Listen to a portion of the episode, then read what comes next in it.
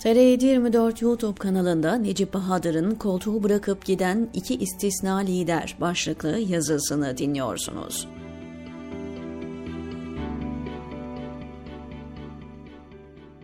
Bu yazıda siyaseti de koltuğu da zirvede bırakan iki isme dikkat çekeceğim. Biri sağdan, diğeri soldan. İlki Anadolu'nun bağrından çıkan Osman Bölükbaşı. Babasının itirazına rağmen aktif politikaya Demokrat Parti saflarından girdi. Türkiye'nin en tartışmalı seçimi 1946'da Yozgat'tan milletvekili adayı oldu. 100 bine yakın oy aldı, açık oy gizli tasnifli seçimde sandık hilesiyle seçilemedi.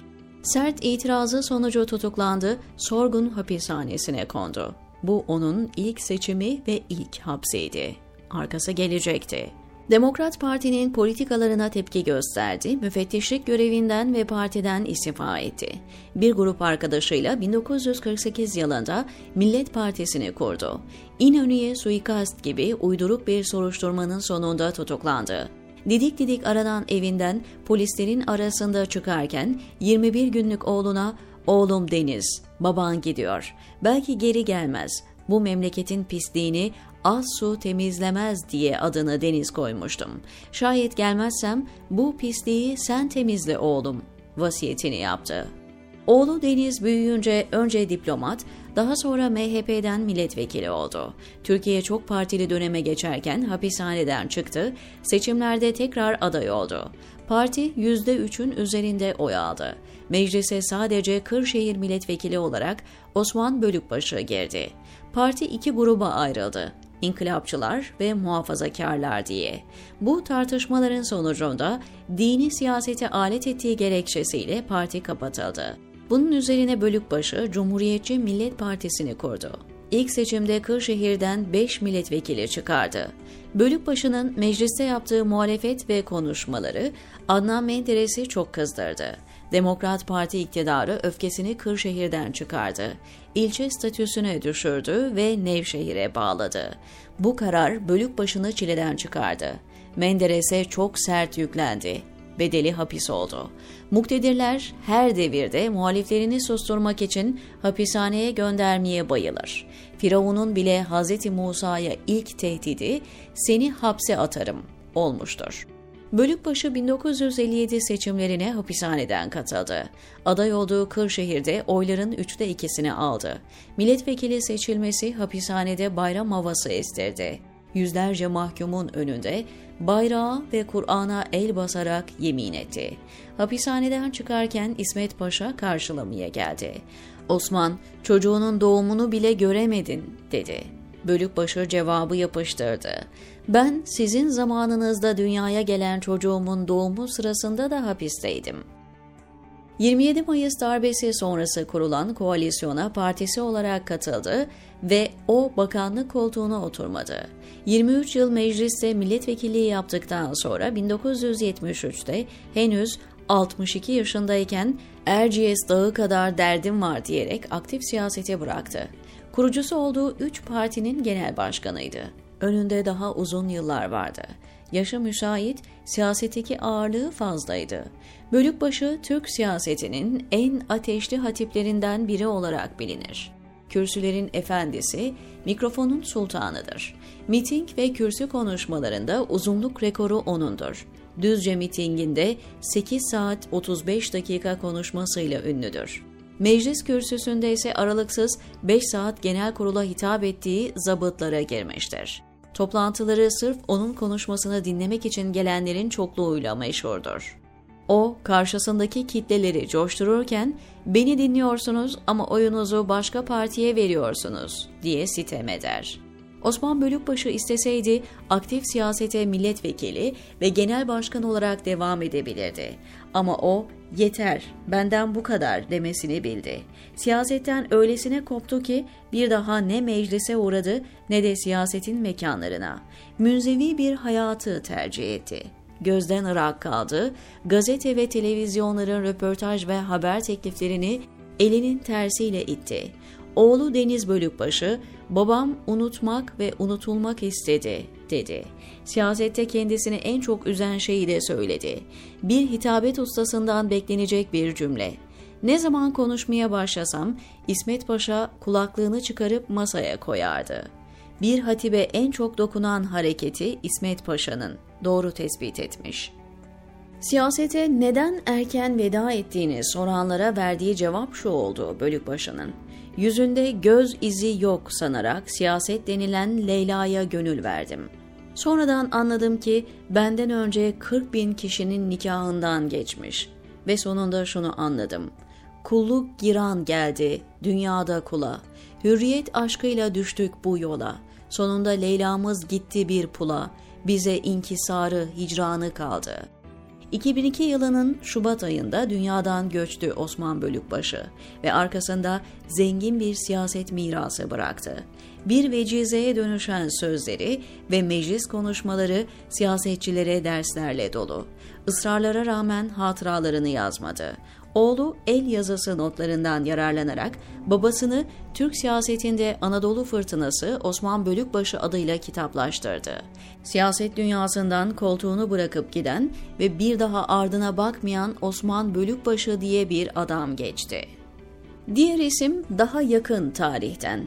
İsmet Paşa'nın oğlu Erdal İnönü. Aktif politikaya 12 Eylül'ün ağır şartlarında girdi asık suratlı, sert üsluplu Türk siyasetine bölükbaşı gibi farklı renk getirdi. Esprili konuşmaları, hoş sohbeti ve gülen yüzüyle sıra dışı bir liderdi. Mücadele ve kavgasını yumrukla değil gülerek yaptı. 1993'te koalisyon ortağı Demirel köşke çıkınca ben de siyasetten ayrılıyorum dedi. Kararından vazgeçirme ve geri döndürme çabaları sonuç vermedi. Tüm ısrarlara rağmen aktif politikaya bir daha dönmedi. Hiziplerin, parti içi grupların çatışmasına sahne olan sol siyasette birleştirici bir isimdi. 1989 yerel seçimlerinde aralarında İstanbul ve Ankara gibi şehirlerin olduğu birçok ili kazandı. Solun yerel düzeyde en başarılı olduğu seçim, onun liderliğindeki bu seçimdi.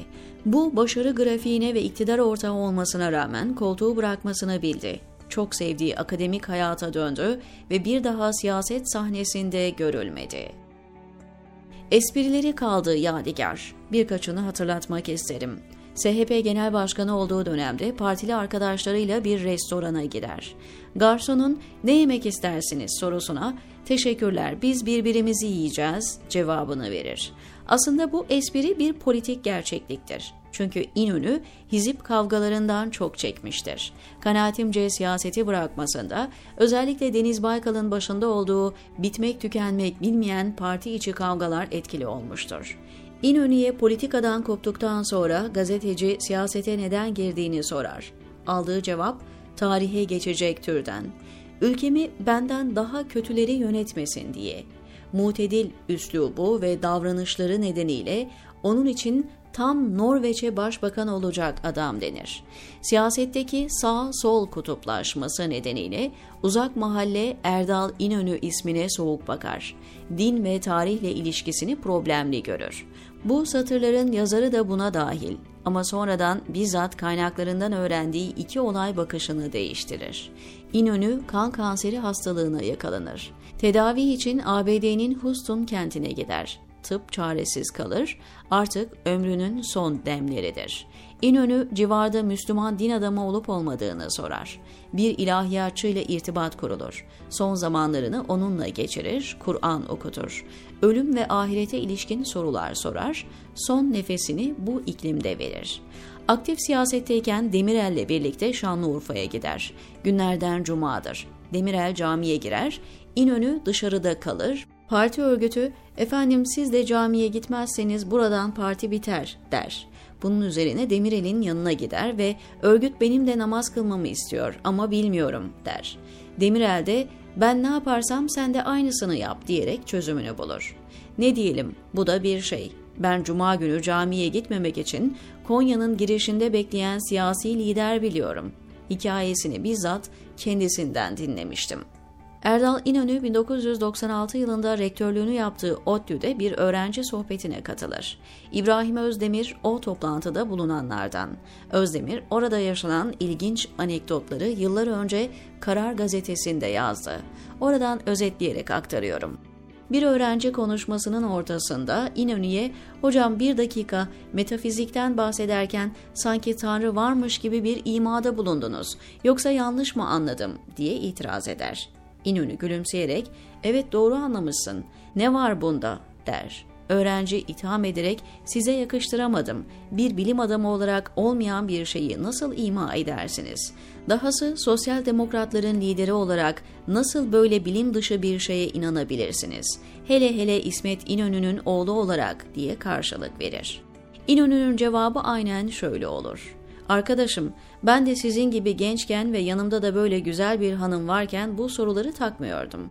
Ancak şimdi öyle değil. Yaşlandık. Akşam yatağa girerken sabaha çıkıp çıkmayacağımdan emin değilim. Sevgili eşim sevince çaktırmadan bakıyorum.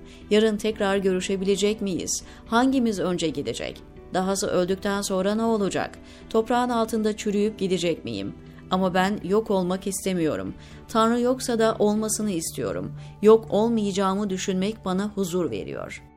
Ardından Amerika'da eğitim gördüğü dönemde Tanrı inancını yaşlılık psikolojisiyle açıklayan ateist bir hocasından söz eder. Yıllar sonra bir otelde o hocasıyla karşılaşır.